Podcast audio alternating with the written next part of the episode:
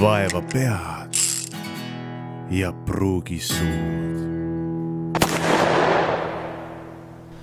tervist, hea Põltsamaa raadio kuulaja. sa oled taas kuulamas saadet Vaeva pead ja pruugi suud. mina olen saatejuht Samuel Aksel Maikalu ja mul on rõõm tervitada taas kord siin stuudios järjekordselt Meelis Kõressaar. tere, tere! Meelis, sa oled meil selline pidev külaline siin. ise sa kutsud mind? No nii on, aga kui me oleks selline mingisugune suurem meediamaja või midagi sellist, siis antaks sinusugustele, kes mingit sisulist tööd otseselt ei tee, aga käivad igal pool targutamas. tavaliselt kutsutakse arvamusliidriteks selliseid inimesi. ja need, kes oskavad kõikidel teemadel, äh, on hästi suured arvamusliidrid, just, just. jah, ongi, kõvad arvamused. peaasi, et oleks arvamus, vaata, kõik austavad inimest, kellel on oma arvamus ükskõik kui vale või õige see arvamus ka just, oleks. Aga meil on siin ka teine saatekülaline, kellel on esimene kord meie stuudios ja mul on rõõm tervitada meie oma Põltsamaa poissi, Henri Holtsmeier, tervitused, Henri. tere, Samuel, tore, tore, et kutsusid. jaa, absoluutselt, tore, et sa ka kohale jõudsid. mitte, et ma selles oleksin otseselt kahelnud aga Henri, sina otseselt äh, Põltsamaal ei resideerugi praegu, vaid äh, sina oled rohkem selline Tartu-keskne, nagu ma olen aru saanud, jah? Ja, ja aastaid tagasi Põltsamaal ma kolisin ära, Tartus täna mingil määral keskkonnateemadel räägin kaasa, mõtlen kaasa, arvan kaasa, julgelt arvan kaasa. ja tegutsen selles suunas, et et me natukene inimkonnana, Eesti ühiskonnana, kohalike kogukondadena äh, leiaks viise, otsiks viise, kuidas äh, loodusele vähem survet avaldada ja loodusega rohkem koostööd teha. nimelt Henri ongi selline huvitav tegelane, et kuidas ma sinuga Tartus kohtusin, oli see, et äh, oma esimesel ülikooli aastal jalutasin mina Tartu raamatukogus, avastasin neid suuri saale, mis seal on, kõik on hästi vaikselt, selline pühalik õpivaikus, eks ole ja vaatan, seal istub tuttav nägu, Henry Holtzmeier. ja lähen juurde, räägin juttu, puurin, puurin, mis sa siin teed. ja vot näed, teine kirjutab kõnet, kõnet kliimastreigi jaoks. nii et äh, väga selline, ütleme, ikooniline kohtumine sinuga. just äh, kohe tava, tabasin selle meistri tema töö keskelt aitäh, väga, väga, väga, väga ilusad sõnad. et võib-olla sa seletad natukene jaa, meie kuulajale, mis see kliimastreik, millega see tegeleb ja mis kihutuskõnesid sa seal pead jube tihti. et kas sa oled lausa kliimaaktivist siis või? võib öelda, et ma olen, ma võib öelda, et ma olen kliimaaktivist. taustast natukene kaugemalt alustades oli tänaseks üks juba kolm aastat tagasi üks Rootsi tüdruk Greta Thunberg istus parlamendi ette maha, ütles, et lõpp, mina kooli enam ei lähe, sellepärast et valitsus, valitsuses inimesed, nemad meie loodusest ja planeedist ei hooli ja mul ei ole mõtet õppida tulevikuks, mis, mida ei tule, sellepärast et noh, me praegu hävitame loodust nii kiiresti. et, et seda tulevikku ei tule. tema siis istus seal maha, noored siit-sealt Euroopast, mujalt nägid, et aga õige jutt, mida Greta räägib ja istusid ka maha ja nii poole aasta pärast äh, istusime siis ka Tartus maha ja, ja Tallinnas äh, Äh, pidasime ühe esimese Eesti kliimastreigi. tänaseks on sellest äh, streigist sada nelikümmend kolm nädalat möödas, just eile oli, oli siis saja neljakümne kolmes äh, streik Eestis. ja, ja ütleme nende streikide mõte, milles see siis seisneb? miks, miks streikida? mina küll täna kooliealine ammu ei ole, aga, aga algselt äh, noored, kes ei ole, nende võimalus poliitikas kaasa rääkida, demokraatlikus ühiskonnas kaasa rääkida, piirdub enamjaolt sellega, et nad saavad arvamust avaldada, aga valida nad ei saa. aga, aga selle asemel, et noh, kui sa valida ei saa, mis sa siis saad teha, sa saad streikida ja selleks koolist streikida. ja, ja nii me oleme koolist ja töölt streikinud Eestis ka, Tallinnas, Tartus, ka teistes piirkondades äh, aeg-ajalt et on... streigid toimuvad jätkuvalt regulaarselt, eks ole, see on see Fridays for future, kui tihti te siis kokku saate? jaa, Venedet tuleviku nimel, Fridays for future. ma kohe tahan vahe küsimuse küsida, et, et, et ja. aga, aga tänapäeva kool, nii nagu mulle tundub, on ka ikkagi üsna selline juba rohelise mõtlemise laadiga või, või ta, või ta seda ikkagi nagu juba noh, loodus, looduse tunnis ikkagi räägitakse reostamisest ja kuidas seda vältida ja nii edasi, et et äkki ikkagi nagu, äkki ikka koolis tasuks ikkagi need tunnid ikka ära olla ja siis pärast võib-olla minna ikka streikima. ma mäletan, kui selline...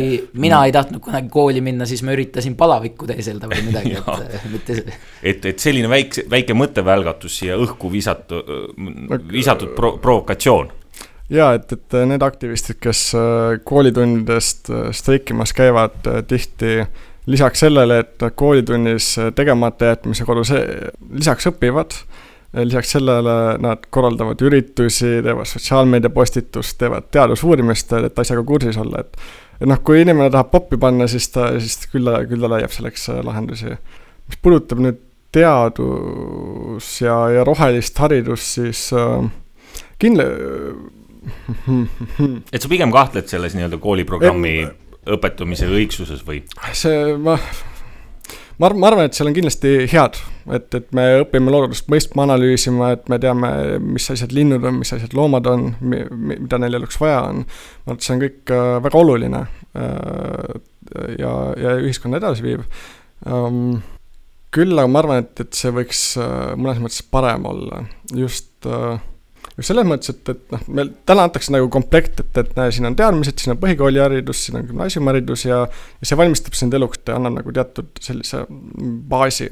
aga, aga tihti, mida kool ei anna, mida ma arvan, et võiks anda teatud määral nagu ka, ka väärtusi. et, et jah, et aga, aga miks need, et selle mõttega ma ei tea isegi, kuhu ma lähen. olgu, aga siis. aga, aga, aga tahaks, tahaks ikkagi sinna tagasi, tagasi tulla me, me tõenäoliselt jõuame, jõuame siin veel, veel selle küsimuse juurde tagasi ka. aga nüüd üks, üks selline küsimus, et, et kui sa, kui nüüd noored ikkagi protestivad või streigivad Äh, ja nad ei saa demokraatlikus protsessis kaasa rääkida, kuna nad on liiga noored. siis mis on nagu sellise streigi esimesed kolm või kaks või isegi üks mõtet, mis on need, mida noored siis näiteks kasvõi Eestis või siis üle-euroopaliselt või üle maailma, aga noh, pigem toome siis ikkagi Eesti. mis siis Eestis peab kohe esimese asjana saama juhtuda või peab juhtuma, et noored oleks rahul, et asjad äh, läheksid nii, nagu nad tahavad, nii nagu nemad on ennast Äh, nii nagu nemad keskkonnast arvavad, mida nad taotlevad, mis need on? mis on need, mis on need kolm, kaks-kolm põhiküsimust, mida, mida Eestis tuleb kohe teha, et, et, et streik ära lõpeks? jaa, mida, mida poliitikud tegema peaksid, ütleme siis äh, niimoodi, sest streik on just pol-, poliitikutele suunatud teiste tegevuste seas. kliimaneutraalsus aastaks kaks tuhat kolmkümmend viis on Eestis saavutatav, see on tehtav ja vaadates äh, teadusartiklit, see on vajalik see on punkt üks, kui me selle suudaksime saavutada, vot siis oleks juba päris hästi, me äh, oleks äh, muutustega kohanejate seas eesrinnas äh, ja, ja ma arvan, et meie ühis, ühiskond võiks, võiks nii-öelda katastroofist mingil määral läbi minna. kas põlevkivielektrijaamad peavad kaduma? paratamatult nad on juba täna kadumas, kahju küll, et sellega väga hiljaks hi,, hiljaks on jäädud. tõsi küll, õli, õlitehaseid veel ehitatakse, mis on väga kahets-, kahetsusväärne praegu, et, et süsinikuneutraalselt või nagu ütleme siis kliimamõistlikult põlevkivist midagi teha, selliseid tehnoloogiaid meil praktiliselt ei ole, need ei ole ennast tõestanud. selles mõttes minu meelest ei ole mõtet põlevkivi täna nagu noh, panna lootus sellele, et me põlevkiviga midagi teeme Äh, kas meil on äh, energiajulgeoleku mõistes kõik alternatiivid ja võimalused olemas, et me siis selleks aastaks, mis sa ütlesid, mulle see täpselt meeles ei ole, oleme siis süsinikuneutraalsed äh, ja meil on energiajulgeolek. Ja meil on nii-öelda tavatarbija saab oma noh, ütleme, et ta peab oma seda elektritarbimist siis niikuinii vähendama kindlasti, aga ütleme niimoodi, et meil on Eestis nagu kõik meil on kõik hästi, meil on elekter, meil on heaolu ja asjad olemas aastaks see ja ja me oleme neutraalsed ka, kui sa mu küsimusest aru said. okei okay,, see on, see on, see on väga kompleksne küsimus, võtame siis äh, ühe tüki kaupa.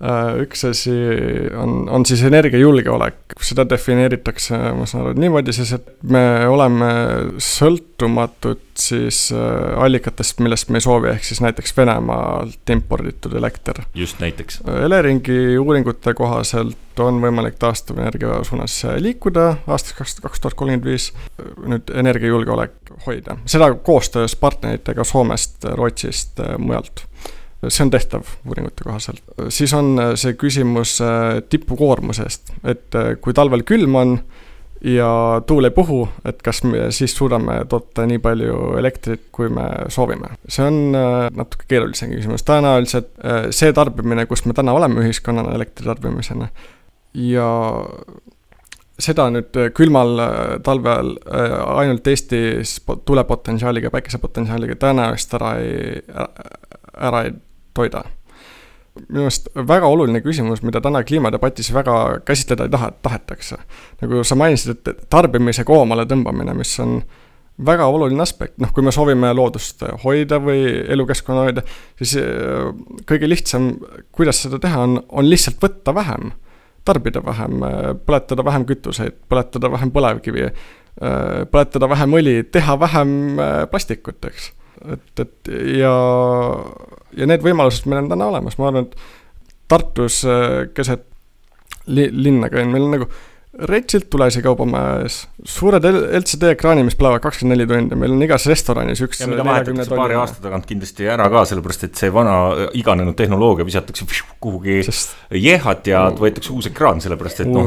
ei, aga need on head ekraanid, mina viimati nägin, et ühes lastakse sulle laivis kõige uuemaid Elu24 uudise sähvatusi. ja, sest seda on ju vaja. sa kõnnid tänaval, sa näed, mida tegi näiteks mingi Brigitte Susanne Hunt nojah, ja see, ja see nelikümmend tolli üks, üks ekraan, selle energia tarbimine, kui ta kogu aeg järgi on, on peaaegu sama kui ühe terve pere energia tarbimine uuringute kohaselt.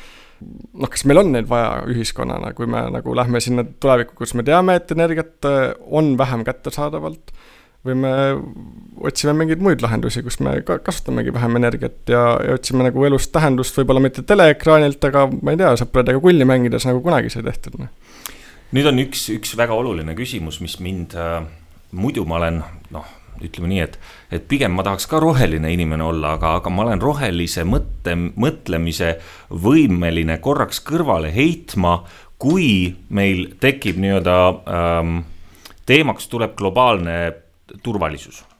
et äh, meil on ikkagi kõrval üks riik, kus tegelikult igasugusele ütleme seal on esimene asi, mis on riiklikult tähtis, on võim ja võim üle teiste piirkondade, kes on siis endised Nõukogude Liidu noh, riigid, eks ju. või siis võiks võim olla üldse üle Euroopa ka. ja siis on meil sealt natuke kaugemal on Hiina, kellel on ikkagi üsna ükskõik kõigest sellest ja ta, ta tegelikult näiliselt näitab ka, et ta on ka roheline, on ju. aga lõppkokkuvõttes on võim on ikkagi nagu see nii-öelda keskne. ja kui nüüd meie lääs, kes tegelikult on äh, viimase viiekümne aasta jooksul kõige mõistlikumad tootmisliinid käima pannud, kõige parem kontroll oma äh, tuumaelektrijaamadele, kõige parem kontroll igasugusele ähm, tehaste väljavoolu, mis iganes kontrollid ja asjad on olemas, see on, see on keskkonna mõttes kõige mõistlikum piirkond üldse. Kuigi noh, jätame oma selle absurdse suure tarbimise välja, et, et läänes on see tohutu, tohutu tarbimine ka, on ju. aga, aga nii-öelda sellist solki, mida Hiinas lastakse jõkke, ei lasta Euroopas enam sada aastat jõkke, oleme ausad.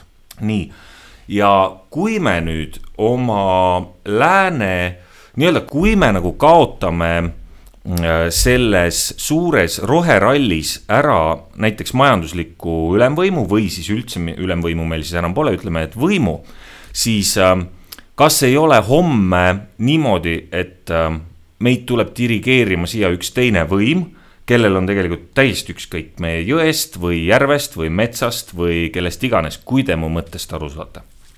Väga hea küsimus, ma arvan, et see on väga, väga raske küsimus, millele üheselt vastata.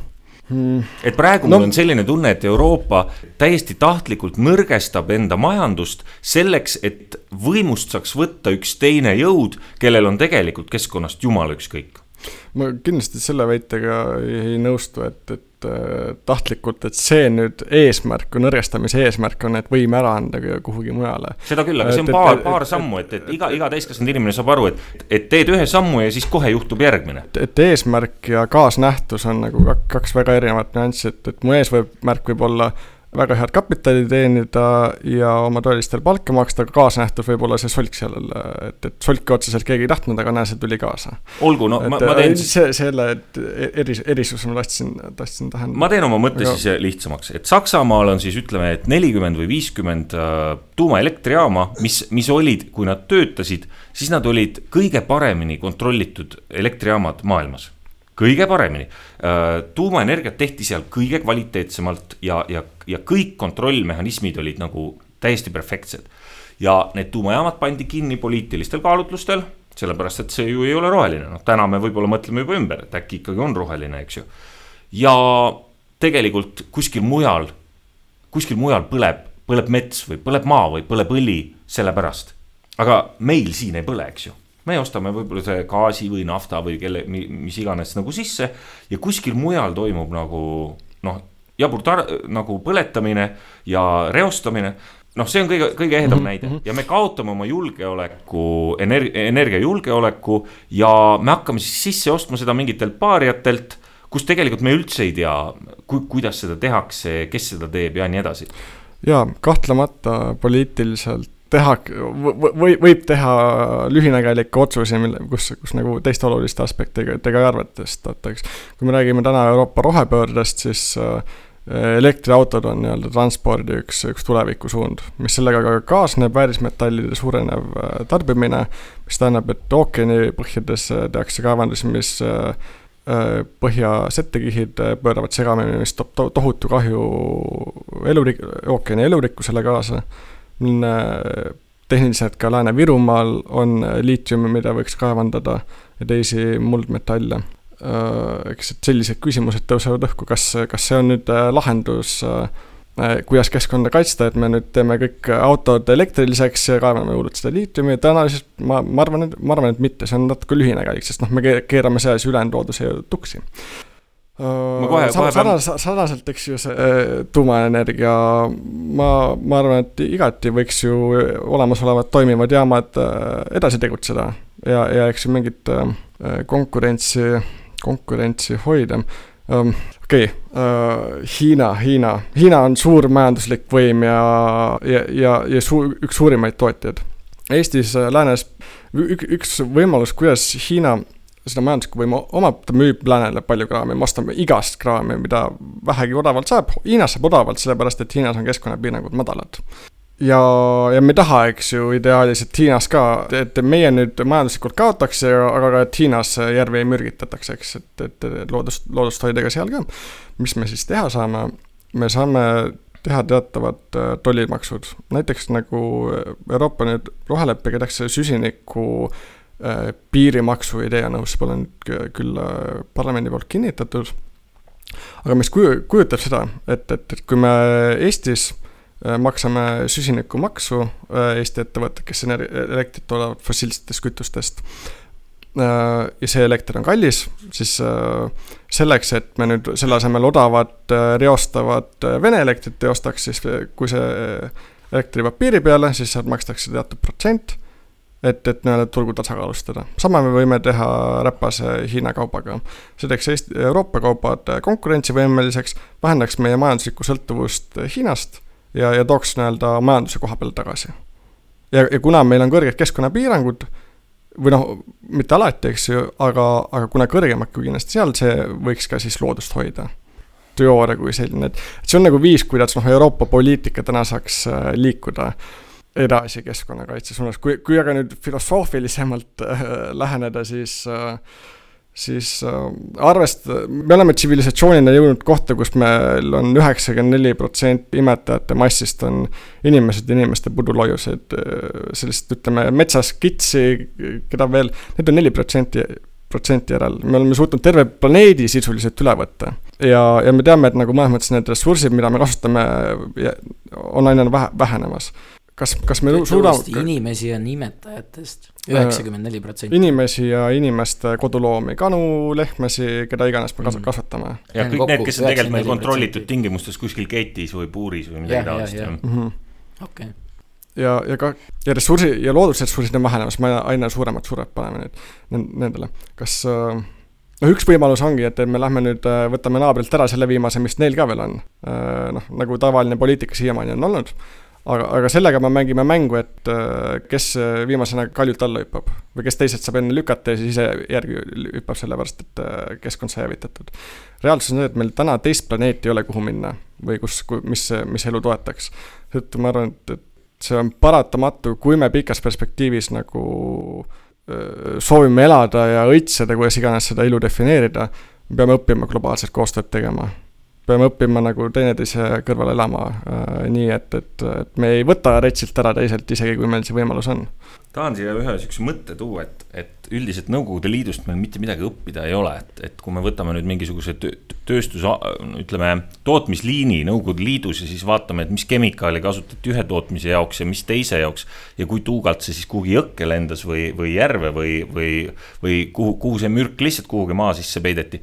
Siis ega meil nagu sellest, sellest ühiskonnast mitte midagi õppida ei ole. aga ma olen nagu alati mõelnud, et, et üht-teist ikkagi vist on õppida. näiteks ähm, sellist nii-öelda minimalistlikku ta, öö, väikset tarbimiskultuuri. et kujutage ette, et te elate oma Hruštšovkas, no muidugi me ei pea keegi Hruštšovkas elama kolmetoalises, on ju. aga võtame näiteks külmkapi või Žiguli et sa Žiguli ostuluba ootasid mingi seitse aastat, siis ta oli sulle nii kallis. sa vähemalt pidasid teda kakskümmend aastat, keevitasid kõik ta augud korda. mingi jupp läks katki, siis sa kuskilt leidsid uue külmkapi või televiisori, selline perspektiiv oli rahulikult kakskümmend aastat ja igal pool olid väiksed mingid töökojakesed, kus tegelikult tehti seesama kapp korda. ja liini peal ei olnud noh, nagu, nagu me oleme tegelikult tänapäeva maailmas harjunud, et viis aastat ja pff, prügisse või sinna taaskasutusjaama mingi telekas, mingid asjad, kõik, kõik elektroonika, kõik käib niimoodi, et, et no ma olen ise taaskasutusjaamas, mul on see Rahvamaja kõrval. ma olen seal töötanud, ma, ma ju näen, et sinna tuuakse ju uued asjad, mis on tegelikult lihtsalt äh, moraalselt või välimuslikult nagu vananenud, eks ju ja, ja, ja inimesed rahulikult, noh, see tarbimine ongi, meil on läänest tulnud selline mõnus, mõnus selline suhtumine, et kui läheb katki, tellitakse uus, sellepärast et valge mees ju, tema tahab ju parandamise eest ju ikka päris head pappi saada.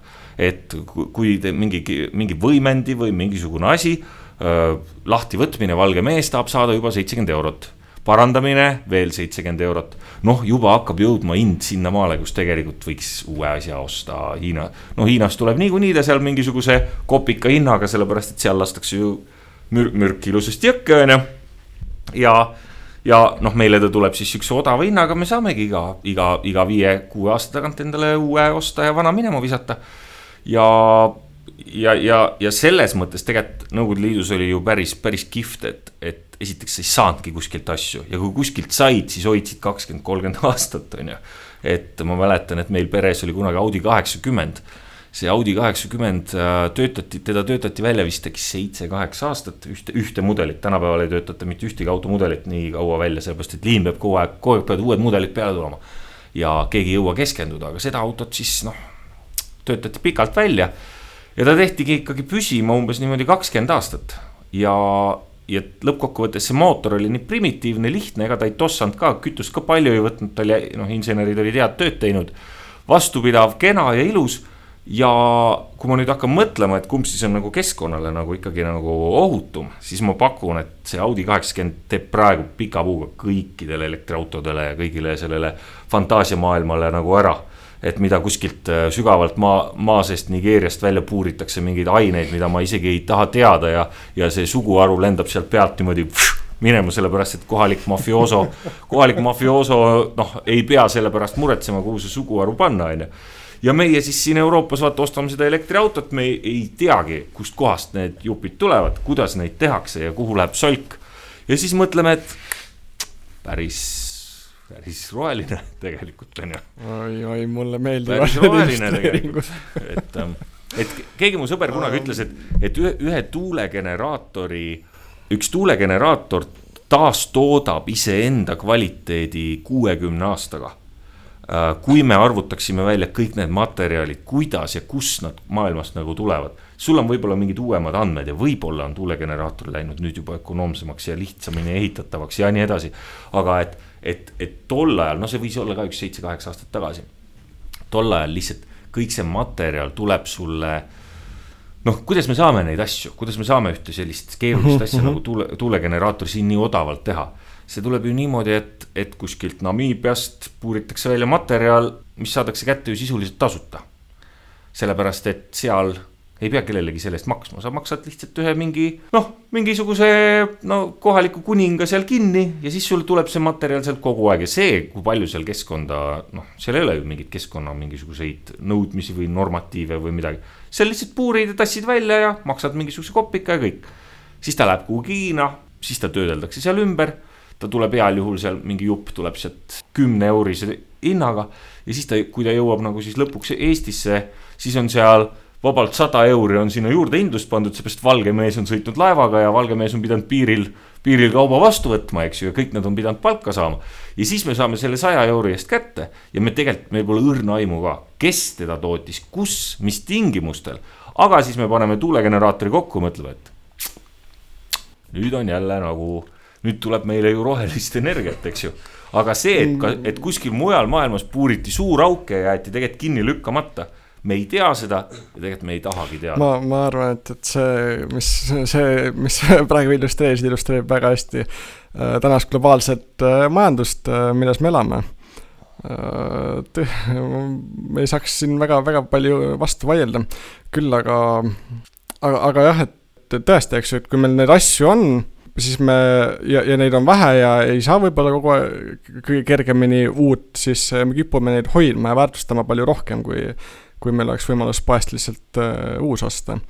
küll aga, aga et, et Nõukogude kommunism, kui see, olgu see teoorias või praktikas, selle, selle tulemus oli üsna kohutav. muidugi et, oli, see on et, muidugi et, kohutav. et, et, et kesk, keskne juhtimine kaugelt. maitse asi, maitse asi.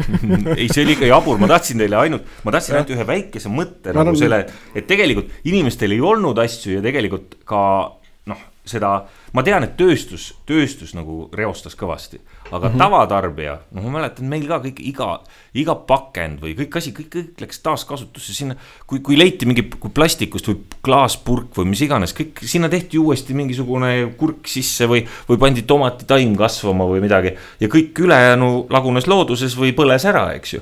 aga sellist asja, et sa vaatad praegu mingit pakendit või mingisugust äraviskamisele minevat raadio, vanat plastikust Hiina raadiot ja mõtled, mida ma temaga nüüd teen. sihukest asja tegelikult ei olnudki mm. -hmm, mm -hmm. jah, endalgi auto, eks ju, jah. ega selline asi ju siis ei ole ainult Nõukogude Liidule omane, ma arvan, see on inimajaloos üldse niimoodi olnud, ma mäletan, kui ma olin viiendas klassis ja meie ajalooõpetaja rääkis meile Koopa inimestest ja siis mina tänapäeva tarbijaühiskonna lapsena küsisin nii naiivselt ja siiralt küsisin, et aga kui nad seal koopas olid, kuhu nad oma prügi panid. noh uh -huh., seal sul ei ole sellist asja nagu prügi, et eh, noh, see ei ole ainult mingisugune Nõukogude Liidu teema.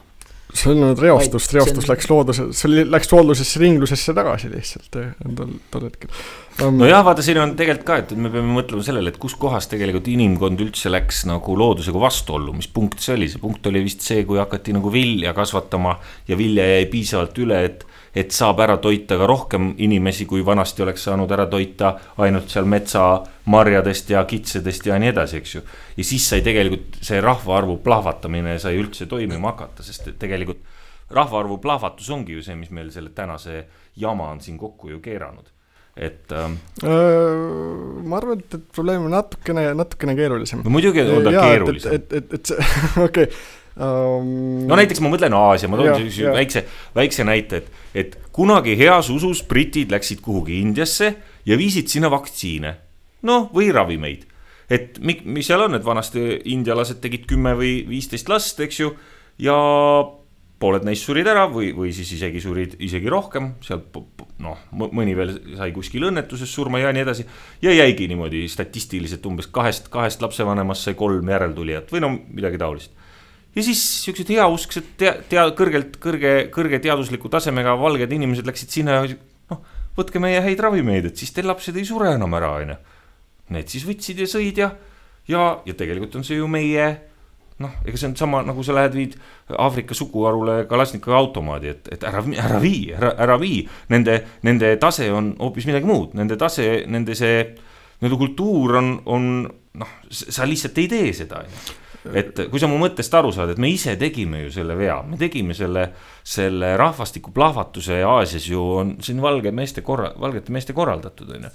et, et, et seal oli ikkagi ju loomulik selline, loomulik suremus see on jah, üks asi on, on, on demograafiline plahvatus, et, et äh, inimesed, nad olid ära, noh, põliselanik oli arvestanud, et äh, võib-olla kümnest äh, lapsest äh, kolm jääb ellu, järelikult No. ma teen kümme. Et, et normaalselt. no, no eest, vanad eestlased tegid täpselt samamoodi.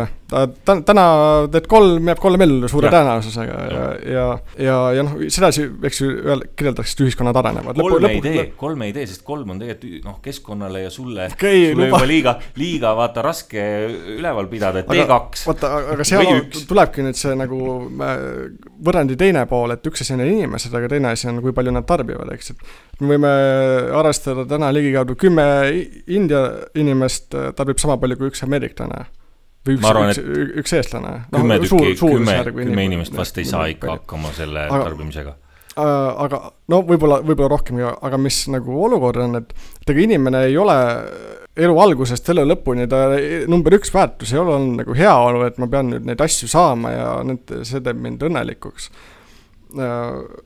see, see, et, et äh, asjades on väärtus, see on kuskilt maalt meie kultuuri tulnud, ma ütleks. Ameerika viiekümnendad. Äh, jah, ma ütleks isegi, et kolmekümne, kümnendatki, kus äh, meil oli kolmekümnendatel olukord, kus äh, meil tehastel oli hull tootmisvõimekus. ja asju toodeti rohkem, kui neid suudeti ära tarbida.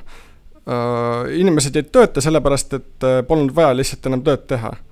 noh, kelle, kõigil olid asjad ostetud, majand-, majandus kukkus kokku, hulk raha oli, tehased äh, jäid seisma. Ja, ja mis siis äh, leiutati, leiutati mõnes mõttes äh, tänapäeva turundus ja avalikud suhted. küsida, et aga kuidas me saame turul nõudlust tekitada, kuidas me saame kindlustada selle, et, et kui me need kümme tuhat pirni ära müüme, et me saame teine kümme tuhat, kolme, kolmas kümme tuhat, neljas ja, ja, ja pane inimesed tahtma, ütle talle, et, et see uus iPhone, et kui sa seitsmenda asemel kaheksanda võtad, et vot siis, siis, siis sa oled oma sõprade seas äh, tore inimene, tubli inimene. muuda disaini ja räägi reklaamis, et see eelmine, see on nüüd täiesti out. aga nüüd see uus, vaat see on, on ju, vanasti see kandiliste nurkadega külmkapp, see pole enam moodne. aga ümarate nurkadega, see on jälle in või siis vastupidi, vaata, kuidas parajasti on, on ju. ja, ja, ja siis ongi kogu, kogu läänelik nii-öelda see, majandus baseerubki oma mingil sise, idiootsel sisetarbimisel või siuksel nagu ähm, toodame ja, ja, ja äritseme, aga ainult sel juhul, kui tooraine ja töö tuleb kuskil mingid, mingid vaesed rotid kuskil teevad tasuta ära, vaata. vaat siis saab sellist asja endale aga, aga kui sa majanduslikust perspektiivist vaatad, siis ega nemad, need inimesed, kes äh, Ghanas äh, prügi sorteerivad ja metalli sorteerivad, see on dollar päevas väga hea. ega nemad tahavad ka tööd ja seal on nõudlus täidetud ja see on ju noh, hea koht, kus, kus äri teha. muidugi see on hea perspektiiv, millest me seda vaatame, eriti kuidas Meelis selle teema sisse juhatas, et et äh, siit on hea vaadata, las seal olla see loomulik suremus, et tekitame muidu ilmaasjata probleeme, aga noh, kui hakkaks enda õdede-vendade peale mõtlema või oma laste peale, siis siis tahaks kohe selle loomuliku suremuse, lihtsalt selline ääre, ääremärkus, et seda küll, aga vaata nüüd sa nüüd sa lähed nagu inimlikuks öö, või hakkad selliseks kaastundlikuks inimeseks muutuma kohas, kus sa tegelikult ei tohiks muutuda. Et see, vaata, seal on loodus, noh, ega see on täpselt sama, kui hunt murrab kitse maha, siis mi- mida sa lähed sinna vahele surkima, et, et, et kuule, ära tee talle haiget, on ju. ei, see, see, see käibki nii, täpselt nii nagu oli vanadel eestlastel, et, et ega ju vana, vanas Eestis ka naine sisuliselt kandis ju terve oma viljaka ea. kogu aeg kandis, kogu aeg kandis last, on ju. ühed, ühed kukkusid ära, ühed noh, kogu aeg oli mingi viisteist, viisteist korda rase olla oli ju jumala, jumala tavaline värk, no ma pole päris kindel selles, seal ka ikka loeti igasuguseid tsükleid ja ja kui ei olnud mõistlik ja no jaa, aga ütleme noh, okei okay,, võib-olla ma utreerin, aga, aga kümme korda rase olla ei olnud küll naise jaoks mingi probleem. ja, ja kindlasti ole, ole, nagu väga kurb on kellegi surm või midagi, aga, aga ega tol hetkel võeti seda ka palju kergemalt.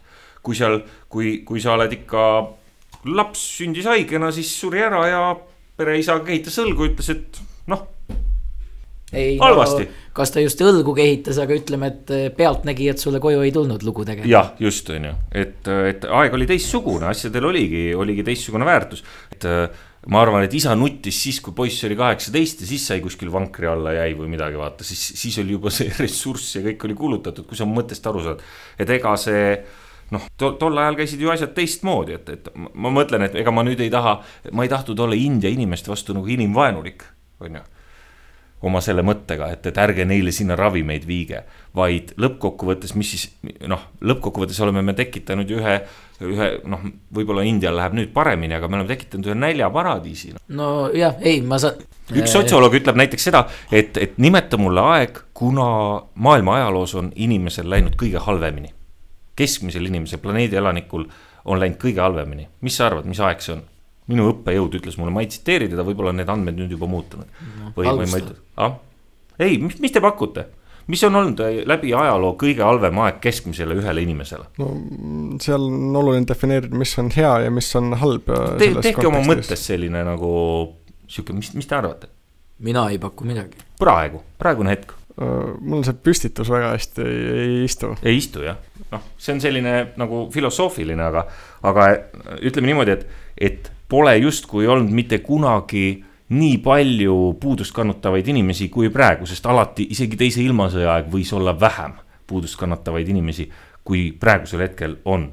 sest me ei, noh, selle, selle maailma rahvaarvu juures me isegi ei adu enam, kes kui palju kuskil puudust peab kannatama. oot-oot, aga nii palju, kui mina olen selle maailma globaalsetest protsessidest aru saanud, siis sa ikkagi. paremaks läinud? siis ikkagi rikkus nagu igal pool tõuseb ja, ja ka kaasa arvatud noh, sellised asjad, et järjest rohkem ka kõikides nendes riikides, mida me siin eelnevalt mainisime, saadakse järjest vähem lapsi, minnakse selle protsessiga nagu no ma ei tea, kas näiteks Indias, Indias on nagu äh, puhta vee kättesaadavus on nagu viimaste aastatega nii kõvasti tõusnud. võib-olla on, keegi on kuskil ilgelt hakanud kaeve. no vaata no,, meie vaatame selliseid asju ka enda vaatenurgast, et meie võib-olla sellise, meie eestlastena elame kõik maailma miljardi kõige rikkama inimese hulgas see on ja. tegelikult päris jõhker privileeg, eks ole. ja meil oma positsioonist on ka raske sellest aru saada, mis on tegelikult väga suur vahe, kas inimene seal kuskil mingisuguses Aafrika külakeses, kas ta peab kõndima iga päev viis kilomeetrit, et siis vanniga vett tuua koju.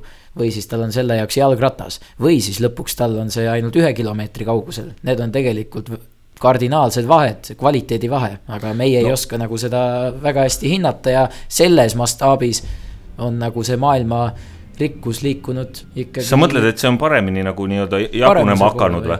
see, see on küll ikka nagu tugev, tugev selline, see on see, ma ikka siiralt loodan, et sul on õig-, õigus, kui sa ütled, et, et, et rikkus on nagu hakanud paremini maailmas jaotuma. ma lugesin, no see oli muidugi enne seda koroonakriisi, sellist meest nagu Hans Roslingut, kes oma surivoodil veel selle raamatu, selle Faktitäius äh, siis, siis lõpetas.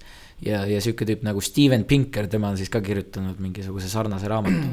no ma lihtsalt esitan siis äh, seda väidet, et, mhm, mhm. et noh, see ei tähenda nüüd keskkonna mõttes, et keskkond oleks otseselt paremaks läinud, aga ma ütlen, et inimeste heaolu on siis nagu globaalselt siis äh, väidetavalt tõusnud. jah no., jah, see, ma tahaks jälle tagasi sinna küsimuse juurde, aga mida see heaolu tähendab, kuidas me heaolu arvutame, me võime arvutada seda läbi selle, et, et mis, kuidas, kui hästi meil majanduslikult läheb, kui palju autosid maja ees on, kui palju äh, ri-, riideid kapis on või võime nagu arvutada seda läbi baas, baasvajaduste, et, et kas meie vajadused veele on täidetud, kas meie vajadus söögile on täidetud. see vajadus söögile ei pea tähendama, et, et meil tuleb avokaadosid teiselt poolt planeeti, et, et siis on, siis on meil heaolu. see heaolu läbi söögi võib ka olla, et, et me suudame koha peal kasvatada endale toitu ja naabritele ka jääb üle ja meil on naabritega head suhted.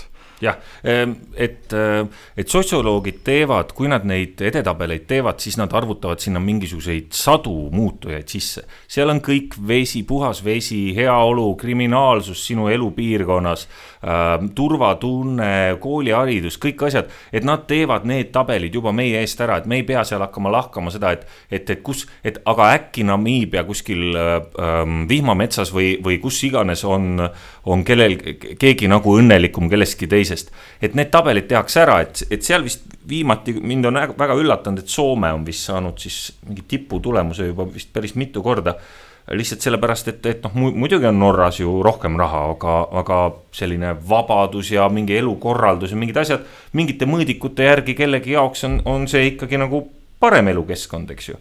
et, et ega ju mingi Burkina Faso või, või, või, või versus Kanada, noh, me saame ju aru, et, et et ühes kohas on, ongi turvalisem, parem ja sul on mingid asjad tagatud ja sa saadki palju rahulikumalt maailma asju võtta ja teises kohas sa pead kogu aeg ringi käima, et kas sa astud mingi miini otsa või kas homme saad vett või ei saa. et äh, noh, need on tegelikult üsna selgelt ja üsna lihtsalt mõõdetavad, äh, äh, mõõdetavad sellised noh, nagu numbrid, et mm, -hmm. et aga nüüd me libisesime sellest, kuhu millest meil see algas? ma arvan, et eh, libiseme kõik koos nüüd ühele väiksele pausile, kus me kuulame võib-olla mõne laulu ja võib-olla mõne reklaami. no libiseme reklaamile. ja tere tulemast tagasi, te kuulate jätkuvalt saadet Vaeva pead ja pruugi suud. mina olen Samuel Aksel Maikalu ja minuga koos siin stuudios on Meelis Kõressaar ja Henri Holtsmeier. tervist! Tere jälle! tere jälle! oleme tagasi. me oleme tagasi pausilt, lõpuks ometi. see oli üks pikk paus eh, Henri äh,, lähme mõned aastad ajas tagasi ja meenutame ühte sellist, meenutame Paide linna. on päikseline õhtupoolik ja sina istud, sul on mingisugune imelik näomaaling punase ristiga või midagi sellist. ja toimub arvamusfestival, väga palju inimesi on koos. Ja sina ja veel mõned nooremapoolsed inimesed on siis äh, saadetud rääkima tolleaegse presidendi Kersti Kaljulaiuga. kutsutud kutsutud rääkima. ja te istusite seal toredasti ringis ja see oli äh, väga tore vestlus, mis teil selles mõttes tol, tol õhtul oli. presidendi PR meeskond oli ka kindlasti väga rõõmus, et nad sellise tükiga hakkama said.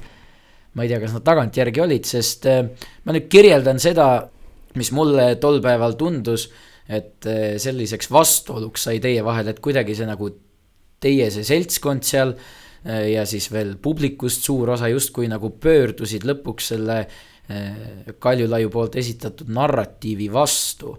ja, ja eks sa siis lükka ümber või kinnita, kui ma kirjeldan seda, mis mulle tundus, et need mingisugused sellised allhoovused olid siis, mis seal üksteisega vastakuti jooksid. Mulle tundus, et president Kaljulaid esindas siis sellist mõttekäiku või sellist maailmavaadet, et me selle kliimakriisi lahendame nende tehnoloogiliste võimaluste kaudu, mis meil täna on, nende tehnoloogiliste ja nende poliitiliste võimaluste kaudu, mis meil täna on. meil on suurepärane Euroopa Liit, mis ajab kliimapoliitikat ja siis meil on mingi suurepärane tehnoloogia osakond veel, kes siis töötab kõik selle roheenergia suurepäraselt välja. Ja viiekümne aasta pärast me oleme kõik õnnelikud, me kõik elame kauem, me oleme palju progressiivsemad ja nii edasi ja nii edasi. ja siis mulle tundus, et see liin mida sina ja veel mõned teised seal esindasid ja lõpuks, kui see publik aplodeeris selle peale, kui keegi seal justkui nähvatas midagi Kaljulaiule, oli siis midagi sellist, et ei, sellest ei piisa, see süsteem ei saa edasi minna nagu täna, see on jama jutt, mida, mida, mida räägitakse, peab ette võtma radikaalseid muutusi, midagi justkui sellist revolu-, revolutsioonilist, et see ühiskonnakord, kus me elame, selle ühiskonna aluseks olev kord, see peab muutuma selle jaoks, et seda põlevat planeeti kustutada. et peab võtma tõepoolest selliseid kardinaalseid samme ette ja muud pääsu sellest olukorrast äh, ei ole.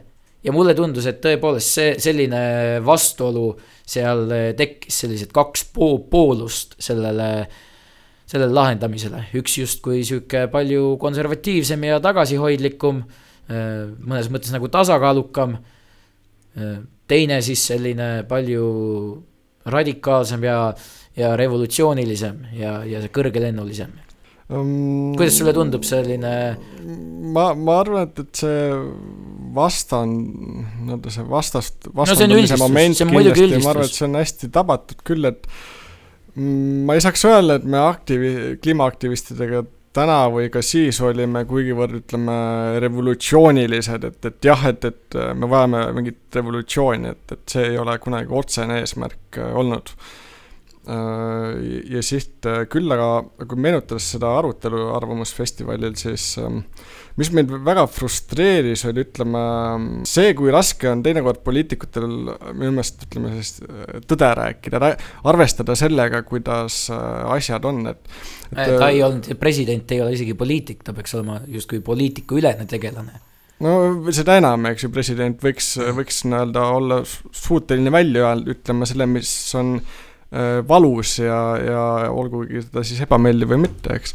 me arutasime ühest kohast äh, majanduse üle ja, ja mis argumendi ma siis tol, tookord tõin, et, et noh, me täna majandus on disainitud kasvama, kolm protsenti aastas teeb kahekümne aastaga viiskümmend protsenti majanduskasvu, me otsime seda taga, mis järg, kolmas kvartal pidi kasvama see aasta kümme protsenti, no hüppa rõõmust lakke, elu läheb ju paremaks ja ilusamaks ja majandus kasvab ja kõigil on parem.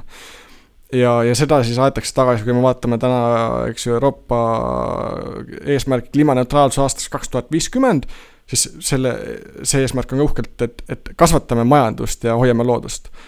Reaalsus, teadusuuringud, ma ütleks, et isegi talupoja mõistus ütleb, et need asjad, kaks asja ei käi tihti kokku, et, et sa võtad rohkem ja siis äh, proovid samal ajal rohkem hoida. et, et see oli nagu Kuidas üks, üks suur, suur äh, frustratsiooni koht. piiramatu kasv piiratud ressursside tingimuses. täpselt, täpselt, täpselt, et, et seda ei saa, et, et me peame nende piiridega arvestama ja, ja noh, äh, Kaljulaid siis tookord ütles jaa, et aga, aga ei, et, et, et ega me saame küll, ärge, ärge üldse muretsege ja, ja, ja see noh, frustratsioon, et, et aga, aga ei tasu sellist vale lootust anda. lootust on mõtet ikkagi anda nende asjadega, mis on reaalsed ja objektiivsed, mille me saame toetuda.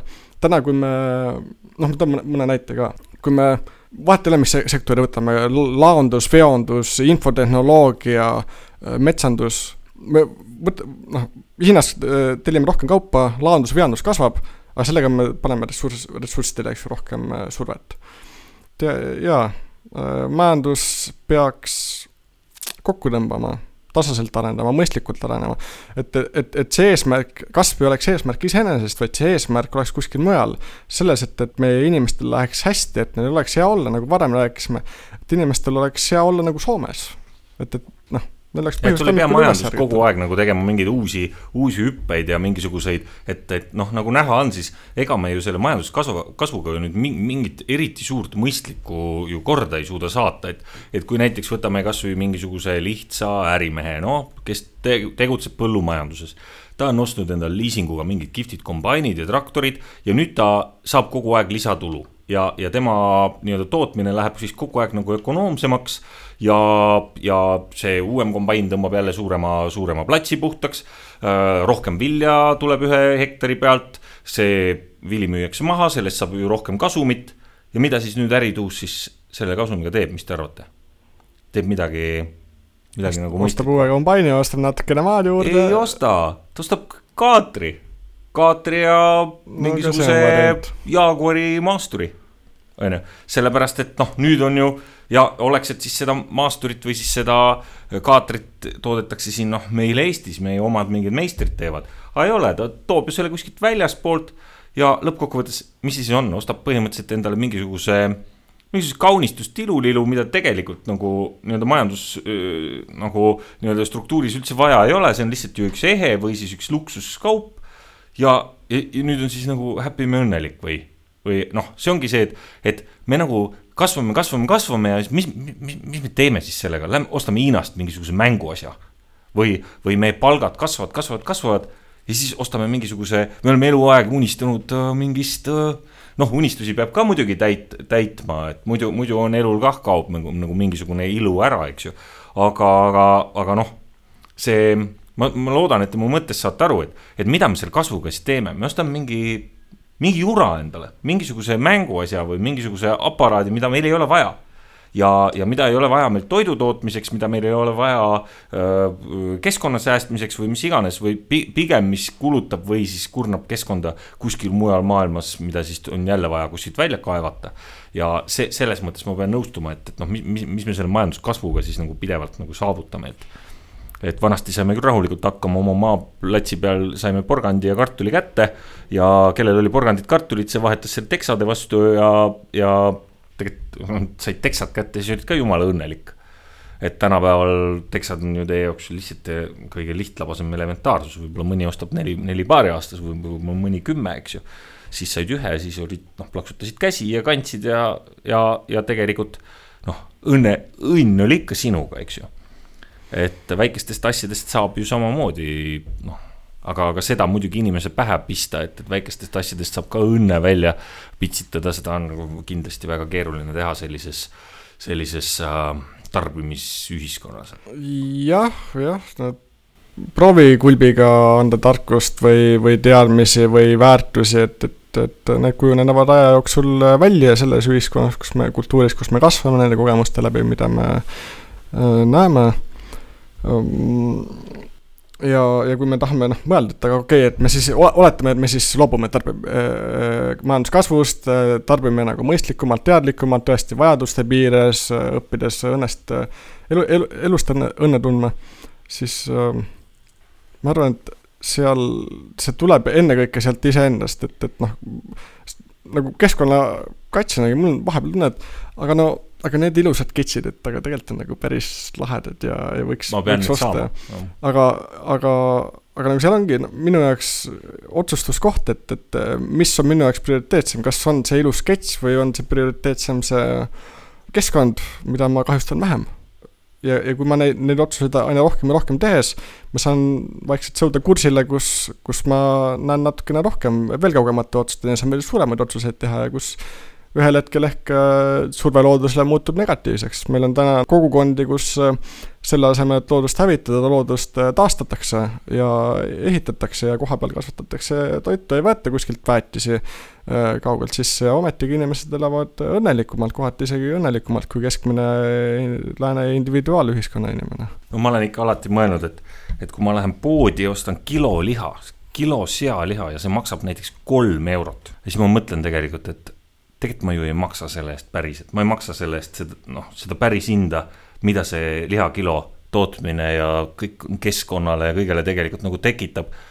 et see, see on ju kunstlikult tegelikult nii odavaks aetud äh, läbi, läbi sellesama mingisuguse väetiste, äh, kogu selle nii-öelda äh, selle mm, loomassööda tootmise ja kõige see, mis, mis on nii noh, massiliseks ja võimsaks aetud. ja siis ma ostan lihakilo kolme euro eest, no tegelikult ta peaks ikkagi maksma, noh, ma kujutan ette, et, et kui ma päriselt peaksin selle lihakilo eest maksma, ta maksaks. noh, et, et, et kui, kui see oleks toimunud nii nagu meil vanasti meie talus oli, kus oli siis paar siga, paar lehma ja siis jõuluks öö, koksati see siga ära või midagi. ma kujutan ette, et see lihakilo hind seal päriselt oleks noh, kakskümmend, võib-olla isegi rohkem. Mm. aga kuna meil on see tootmine ja kogu see noh mine osta sea, sealiha kahekümne euro eest, sa ei osta lihtsalt, sa, sa tead, et keegi kuskil pakub seda palju odavamalt. et äh, tegelikult noh, selles mõttes see on jabur. jah, jah, mul tuttav kasvatab äh, kanu äh, väljas äh,, välistingimustes äh, maa peal, kus nad saavad päikesevalgust, on kuni kümnekesi puuris äh,, broileri hind on kolmkümmend viis euri kilo aga see on puhas, see on täiesti ökoloogiline, see on kana, kes on rõõmu elust tundnud. ja talle äh, ostjaid ka ikka jagub ostjaid jagub. ainult teadlikud no,, väga teadlikud. ütleme, et pankrotti ta pole läinud, aga, aga ütleme, et, et nüüd kolmkümmend viis euri kilo iga teine tarbija ostab, see on, on ilmselt päris suur äh, väljakutse, mida endale võtta. selline lõpmatu majanduskasvu usk, see, see, see on justkui selline äh, toimub mingisugune lõplik progress, et justkui mingisugune utoopia, kuhu me jõudma peaks, et äh, ühiskonnas toimusid väga huvitavad muutused siis, kui Nõukogude Liit lagunes.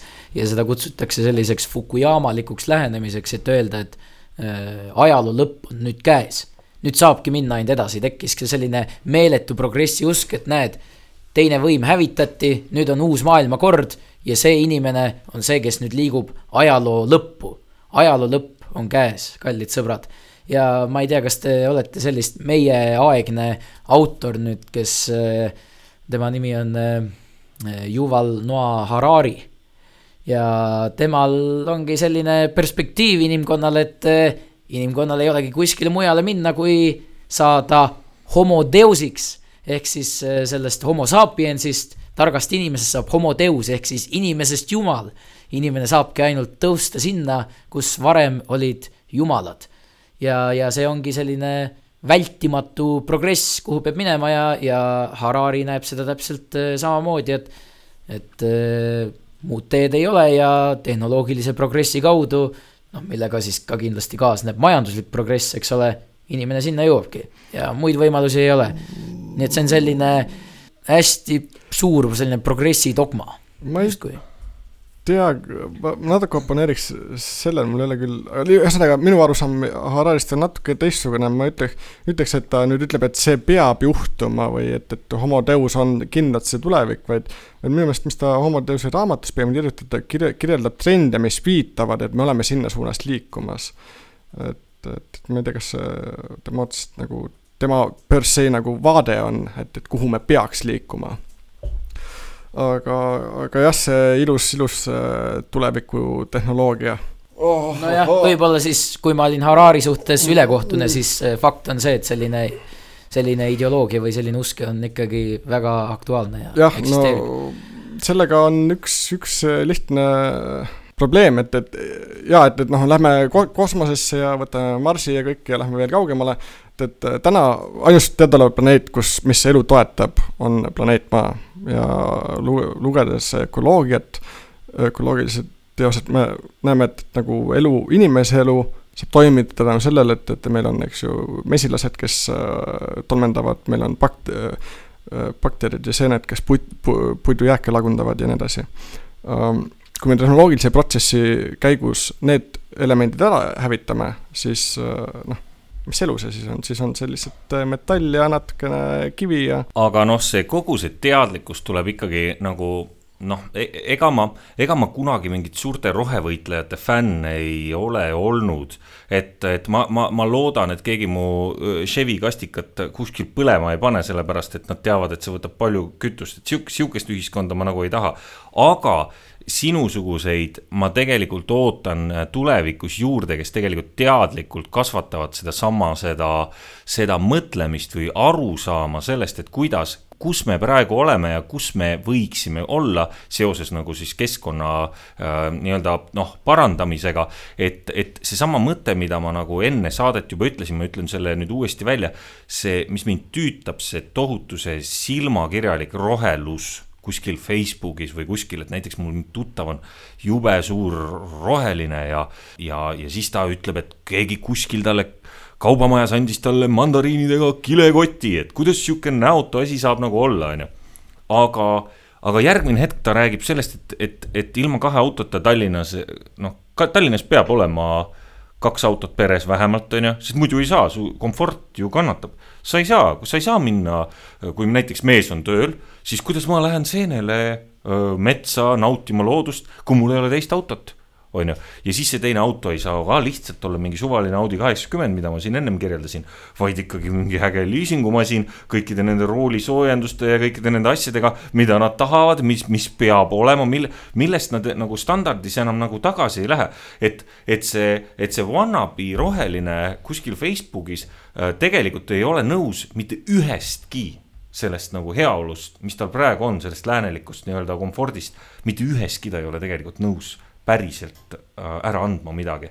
niimoodi, et ta ütleb, et aa jaa, näiteks ähm, ma saan aru küll, kui jabur on, äh, et äh, maakera kurnatakse sellega, et ühel, ühel perel on kaks autot tagumiku all. et jaa, ma olen ühest autost nõus loobuma. ma tahan näha sellist inimest, isegi olgu ta nii roheline kui tahes, et ähm, et, et ja siis saabki mingit kilekotti juttu ajada või saab ajada mingit sellist, saab näiteks mingit videot kuskil jagada oma kalli, kalli Maci tagant. Facebookis, et kuidas mingisugusel äh, kurel on kõrs noka vahel või, või keegi on kilekotti endale pähe tõmmanud mingi hüljes või midagi. jaa, mind teeb see kurvaks küll, on ju, aga lõppkokkuvõttes see on nagu see noh, ikkagi ikkagi mulle tundub, et, et see roheline jutt algas alles siis, kui kui mu sõpradel-tuttavatel või, või inimestel, keda ma tean, kui nad saavutasid täieliku heaolu, selle, et neil on maja, autod, Electroluxi tehnika, kõige viimane sõna, telekas, telefonid, asjad olemas. vaat siis alles võib hakata mõtlema sellele, et nüüd, nüüd, nüüd, vaat nüüd mul on nii palju vaba aega või, või siis nüüd on kõik saavutatud, ülikoolis käidud, kõik tehtud, reisidel käidud. ei ole, reisidel tuleb iga aasta käia. et see, sellest ma ei loobu aga kilekotist ma võin loobuda, aga, aga sellest, sellest välisreisist perega mm, -mm, tollest ma ei loobu. et ähm,, et siis võib nagu mingi sõrmeotsaga nagu roheline olla ja, ja jube kihvt on siis veel seda presenteerida, et ma ostsin mingisuguse kunstnahast toote, kuigi ma olen alati ostnud naaritsanahast toodet, on ju. jah, et äh, pole sisuline, aga see sisu võiks, võiks aastakümnete või aastate jooksul tõepoolest nagu tekkida. Seesama see, et, et a, katsume oma külmkappi remontida, kui ta läheb katki. tehke külmkapid, mida on võimalik remontida tehke pesumasin, mida on võimalik remontida, mis ongi selline, et tema korpus või osad on vahetatavad ja ta ei pea ajas kogu aeg muutuma, ta ei pea ajas kogu aeg täiustuma, ta võib vabalt olla primitiivsem aga ta võiks olla niimoodi, et me ei kaku jälle kuskil Aafrikas mingisugust karjääri lahti selleks, et et, et, et jälle toota ühte uut kogust mingisugust külmkappi. Noh. Henri, kuule, nimelt jalutan mina siis ükskord eh, Tartu vanalinnas, kihutan ühte loengusse, eh, kus ma tavaliselt ei käi, aga, aga üks sõber kutsus ja näen, et tuttav hääl kõlab kuskilt ja kuulen, et Henri Holtsmeieri hääl peab kõnet mikrofoni Tartu selle raekoja ees. ja natukene vaatan sind sealt eemalt, mõtlesin, et noh, tean küll sind, aga ei tule seekord käppa viskama, sest äh, sa olid hirmsasti kuum kutt seal, kõik tulid ja viskasid sulle viitesid ja kiitsid, eks ole. ja siis ajasid seal tähtsa näoga mingisuguseid asju, mõtlesin, et kunagi hiljem tuleb võimalus sulle sellest rääkida ja näed, nüüd tuligi. aga mis ma tähele panin, kui ma eemale jalutasin, see hääl kõlas päris kaugel, siis üks kõneleja, kes pärast sind oli, oli siis järgmine sõnavõtja tema ütles kõikidele, kes seal kliimaprotestil siis või siis streigil olid, seekord ma lugesin, et umbes võib-olla kakskümmend inimest, kõige rohkem kolmkümmend inimest, ta ütles, et eh, ärge olge ainult kliimaprotesti kliimaaktivistid, vaid olge iga päev kliimaaktivistid. ja mina ei saa sellest muud järeldada kui seda, et ka sellise kogukonna sees selline gruppe, kellega te neid asju organiseerite, et ka seal on juba nende inimeste sees, nende noorte inimeste sees on mingisugune probleem, et äh, täpselt nagu Meelis siin kirjeldaski, eks ole, et kliimaprotestile on äh, tore kokku tulla, kanda võib-olla selliseid tähelepanu äratavamaid riideid ja silte, aga siis igapäevaselt noh. tuleb ikka tarbida. no tuleb ikka tarbida, eks ole, ikka tahaks seda uut äh, iPhone'i, noh, meenub selline vana hea pilt ju sellest, kuidas ühel üks tütarlaps teeb oma iPhone'iga peeglist selfit ja siis tal on üks F-tähega sõna ja kapitalism seal.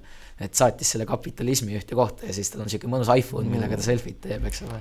et eh, noh, kuidas sa näed seda eh, protsessi, kuidas see mhm. isiklik vastutus peaks üldse inimestel kasvama, seda on raske teha, sul on kuskil kaugel mingisugune abstraktne oht, mida on raske mõista et eh, meil ei ole siin, ei ujuta meri üle, eks ole. see on väga, väga, väga hea küsimus no esmalt, minul ei ole õigust öelda, ma arvan, et kellelgi ei ole õigust öelda otseselt, kuidas teised inimesed peaksid käituma või oma elu üle otsustama.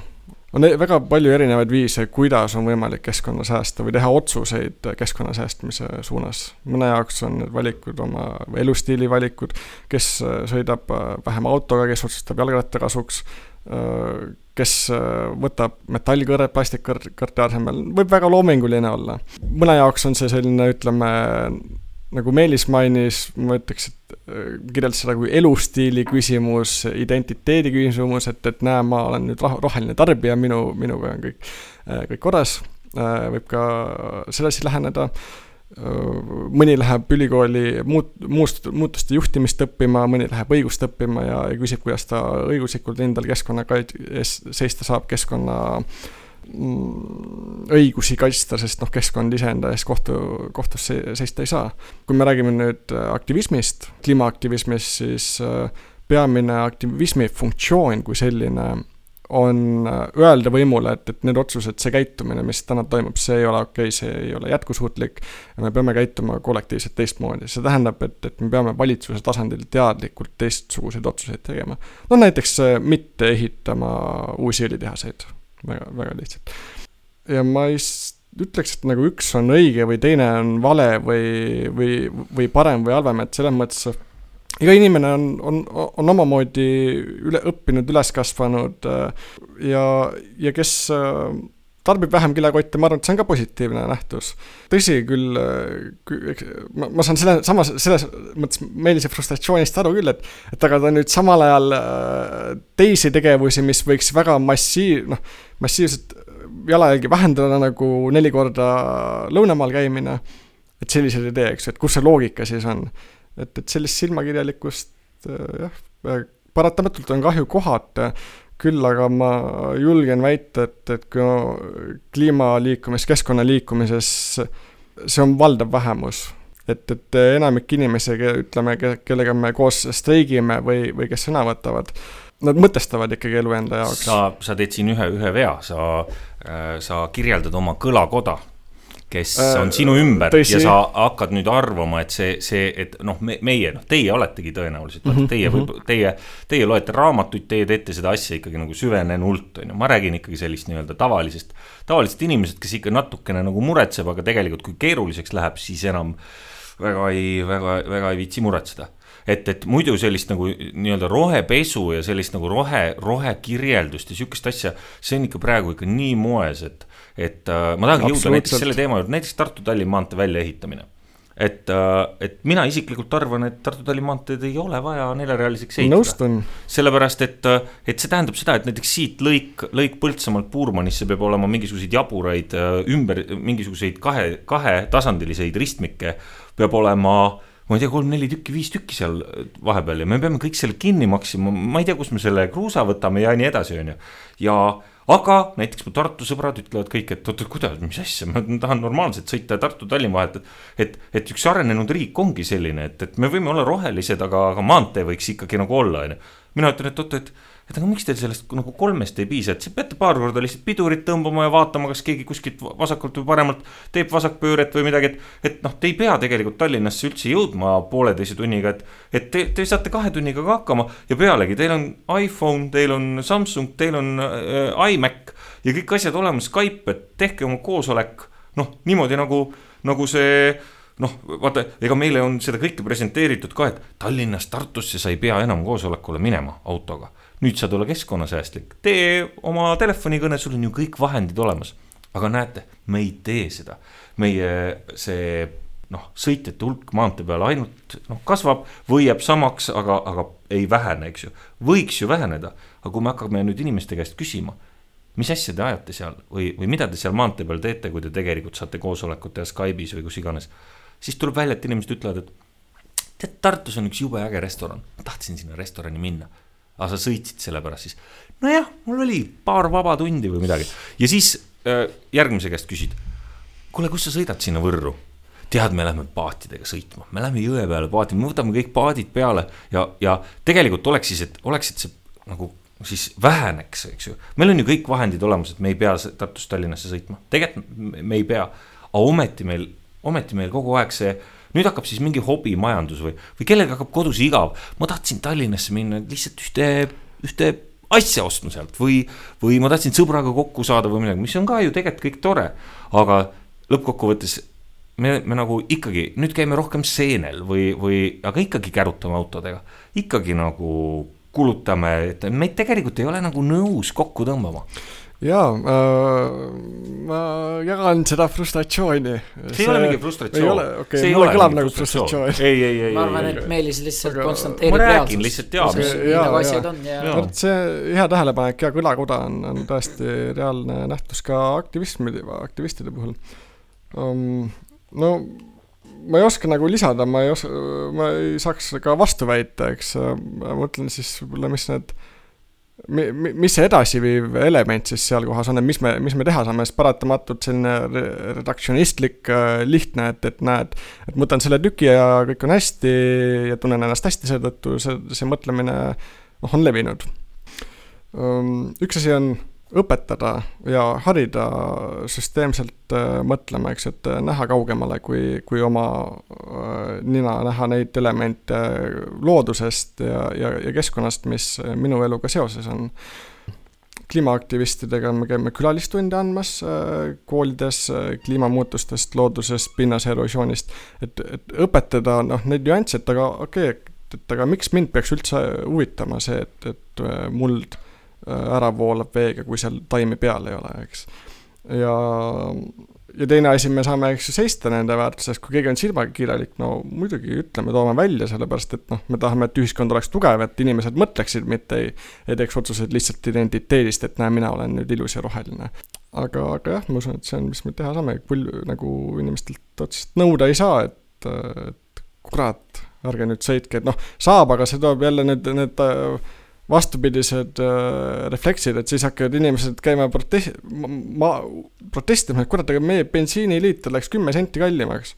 inimesed tulevad tänavatele, kurat, kuidas te julgete, et, et, et selles mõttes äh, mõttes muutus see protsess paratamatult peale läbi hariduse no si-, see on nüüd see koht, kus minust konservatiiv välja tuleb, sellepärast et ma elan, eks ju, maal ja oma seal kõi-, kruusatee kõige tagumises lõpus, eks ju, ja kui nüüd keegi kuskil Tallinnas arvab, et tema eeslinnade inimesed on piisavalt rikkad, et võivad nagu ühe koma viie või ühe koma seitsme eurost bensuliitrit või diisli, diislit kannatada küll, et nad on ju seal rikkad, on ju. siis siit maalt ma mõtlen küll, et teate, tegelikult mul ei olegi valikuid, mul ei ole valikuid, kuidas läbi lume sõita või kuidas last lasteaeda viia või midagi. ma, ma pean, ma pean saama, on ju ja, ja, ja vot, vot siin on küll see, kus, kus ma nagu mõtlen, et, et oota, seda, seda teemat nagu ma ei ole nõus siin järgi andma. ma ei ole nõus järgi andma, ma olen nõus andma sellega järgi, et ma sõidan mingi äh,, et ma putitan ka kahekümne aasta vanust autot ja, ja otsin talle uusi juppe oma, oma vabast ajast ja ei võta uut liisinguautot mingite akudega ja mingite meeletute kiipidega, vaid, vaid putitan mingit vanat asja, mis tegelikult minu silmis on ikka oluliselt nagu ökonoomsem, eks ju aga ma tahaks, et see noh, et see mulle tasuks ka riik siis selle kuidagi niimoodi, et, et see oleks mulle odav, on ju.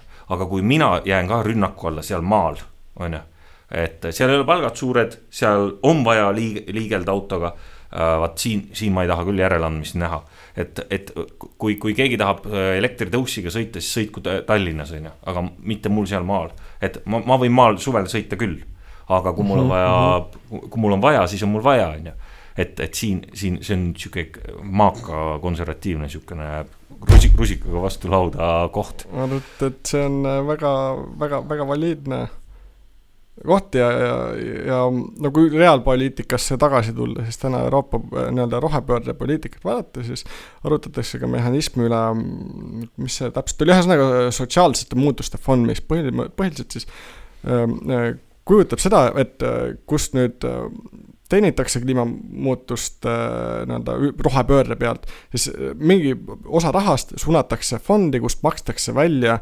inimestele, kelle elu, kellel on vähe, vähene sissetulek, kelle, kelle elu, elu nüüd muutuste tõttu läheb kallimaks. et, et kompenseerida, et, et oletame, et sealt fondist kohalik maamees võiks, võiks mingi kopika saada, et, et, äh, et ka tema elu edasi kestaks. kuidas, kuidas see töötab äh, täpselt ja kas see reaalselt töö, tööle hakkab, ma ei oska kommenteerida. aga noh, mida ma tahan öelda ilmselt, et, et kuskil proovitakse sellega arvestada ka. eks nüüd äh, see, kas kuidas sellest välja tulla, kuidas äh, inimesed peaks muutuma, kas selleks läheb vaja õigeid poliitikaid, mis inimesi motiveeriks, kas peab rõhuma selle inimese enda kasule kuidagi seda inimese loomulikku isekust ära kasutama või peab tulema hoopis uus kultuuriline renessanss ja, ja inimene peab äh, hakkama vastutust tundma ja, ja täiesti teistmoodi oma elu siis lahti mõtestama, ma usun, et see oleks teema, millest saaks tundide kaupa edasi rääkida ja mitte ainult äh, keskkonna raames, vaid üldse, mida see inimkond siis endast ette, ette kujutab, aga saate lõpp hakkab kätte jõudma ja ma küsiks äh, võib-olla siis äh, teie mõlema käest, aga, aga ka niimoodi Henri käest äh, siis laiemalt, kuna sina tegeled selle teemaga palju intensiivsemalt kui meie. et mis need väljavaated on, mis sa arvad, kas, kas üldse on mingit lahendust, sest ma ütlen ausalt, ma jagan siin Meelise pessimismi. mulle tundub, et kui vaadata, kui need väited on tõepoolest sellised tõesed ja aega on vähe, siis äh, ma arvan küll, et mingisuguseid realistlikke lahendusi küll, küll ei ole, et mingisugused noh, üldiselt inimene on oma loomult niivõrd halb ja ta hakkab alles tegutsema siis, kui viimane häda on käes. ja sellepärast ma, ma ei ütle, et nagu käega peaks lööma, ma, ma, ma, ma ei taha sellist suurt väidet teha, aga ma arvan, et kui ma peaks oma raha millelegi panustama, siis ma panustaks sellele, et asi on käest ära ja, ja suurt midagi teha ei saa. no suurt midagi teha ei saa, ma ütleks, et see ei ole nagu noh, mis väärtust see toob lauale või mis väärtust see kellelegi annab, et, et jaa, et noh, okei okay,, aga mis, mis on see siis, mis ei toimi ja mis on see, mida me võib-olla peaks tagasi tooma või mis on need uued küsimused, mida me peaks küsima.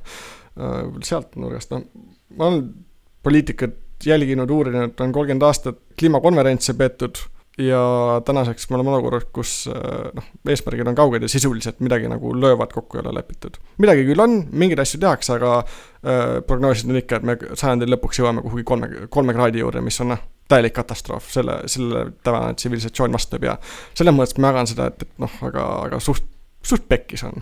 aga mis me nüüd teha saame, ma, ma arvan, et oluline nüanss on see, et, et okei okay,, nagu Euroopa on kaugel ja seal midagi üritatakse otsustada, Venemaa on kaugel, seal midagi üritatakse otsustada.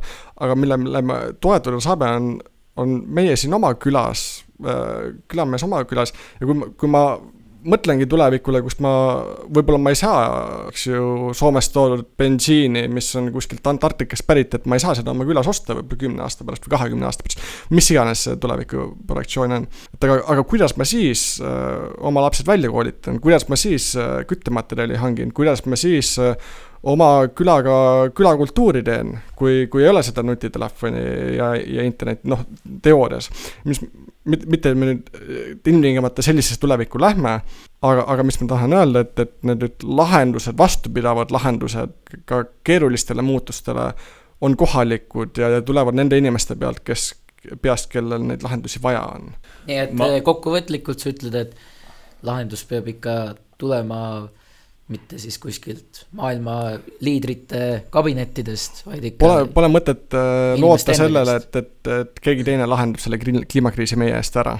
et meie oleme inimestena siin planeedil ja, ja meil on, võime mõelda ja võime tegutseda ja neid oskusi tasub, võimeid tasub kasutada. selge, Meelis ma selles mõttes, ma ei olnud ju kuidagi pessimistlik, et ma rääkisin sellistest tavalistest asjadest, mida ma olen täheldanud ja mida on kindlasti raske muuta. aga ma tajun, et muutus on tegelikult toimunud ja see on tagasipöördumatu. sellepärast, et ikkagi uue põlvkonna äh, diskursuses on see, on see teema ikkagi pidevalt sees ja on näha, et küll väikesed arengud, aga need arengud on tegelikult toimunud et äh, see teadlikkus on kasvanud, järgmine põlvkond on, äh, on selles küsimuses aktiivsem. ma toon näiteks lihtsa näite, et Tartus sõitsin suvel esimest korda tõuksiga, elektritõuksiga. see oli lihtne, see oli mugav, see jättis mulle meeletult äh,, ma olen ilge, ilge automees muidu, mulle meeldivad, mul on mitu tükki ja siis ma, mulle ikka bensuhais nagu meeldib, on ju, et ma olen nagu sihuke vanakooli tüüp, on ju. aga see tõuks jättis mulle meeletu mulje ähm, infra oli tehtud korda. saate aru, ma sain ühest linna otsast sõita niimoodi teise, et ma ei pidanud kuskil, ma ei pidanud vihastama, vaid kõik asjad laabusid iseenesest.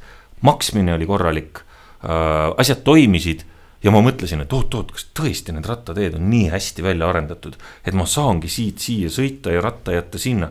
ja lõppkokkuvõttes, ega meil ei ole neid autosid vaja. auto on selline see oli lihtsalt üks, üks ilus asi ja need ilusad asjad mulle meeldivad siiamaale ja jäävadki meeldima kuni mu elupäevade lõpuni. aga auto on kaotanud juba sellise staatusesümboli äh, tähenduse ja väärtuse uue, uue põlvkonna seas. tegelikult on, et äh, auto, tegelikult on inimestel ju vaja ju transporti, mitte autot või mingisugust äh, kroomdetaili vaid need on vaja transporti. ja kui ma nagu näen ära sellises üsna primitiivses keskkonnas nagu praegu, et see tõuksi süsteem võib isegi käima minna ja tegelikult see pakub võib-olla külmade talveilmadega see ei toimi ja Eestis võib-olla tuleb mingi teine lahendus välja leiutada. mingisugune teine lahendus, aga tossavad autod näiteks Tartu kesklinnas, see ei pea olema. inimestel ei ole vaja tossavaid autosid, inimestel on vaja transporti ühest kohast teise. et see oleks mugav, et see oleks okei okay,, et ma eelistaksin seda tossavale autole ja nii vähe ongi vaja, inimesed lähevadki sellele, lähevad, lähevad mingi revolutsioonilise uue liikumisega kaasa. Äh, kui nad saavad, kui, kui neil on see hea, mugav, hästi-hästi välja töötatud ja nii edasi.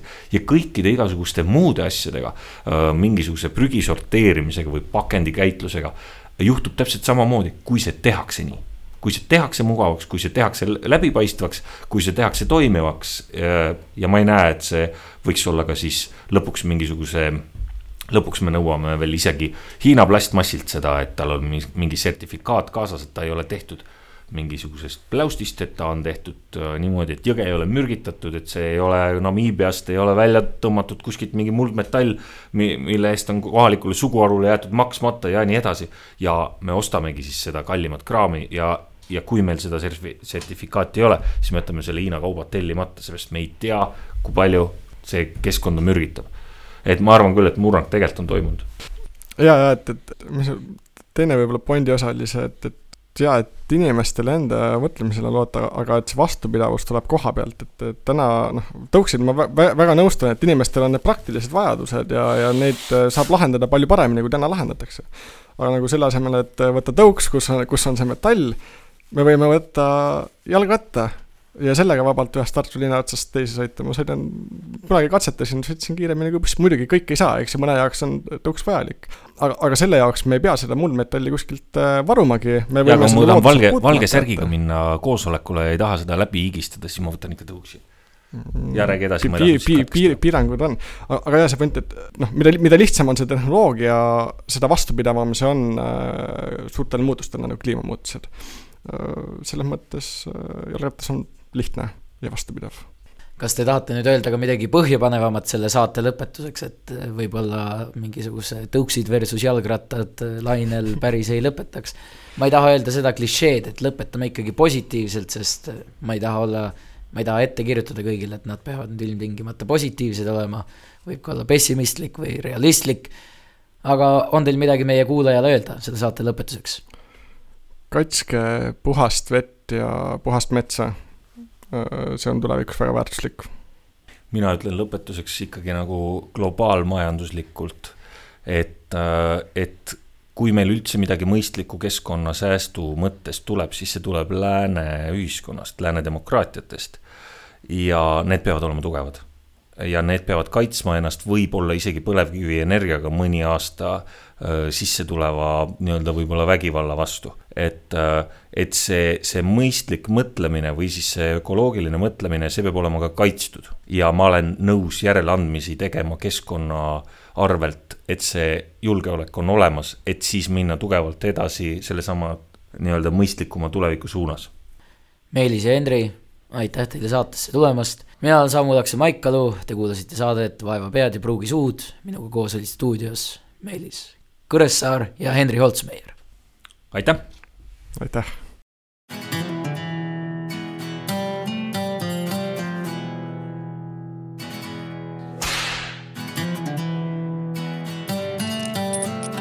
vaeva pead ja pruugi suud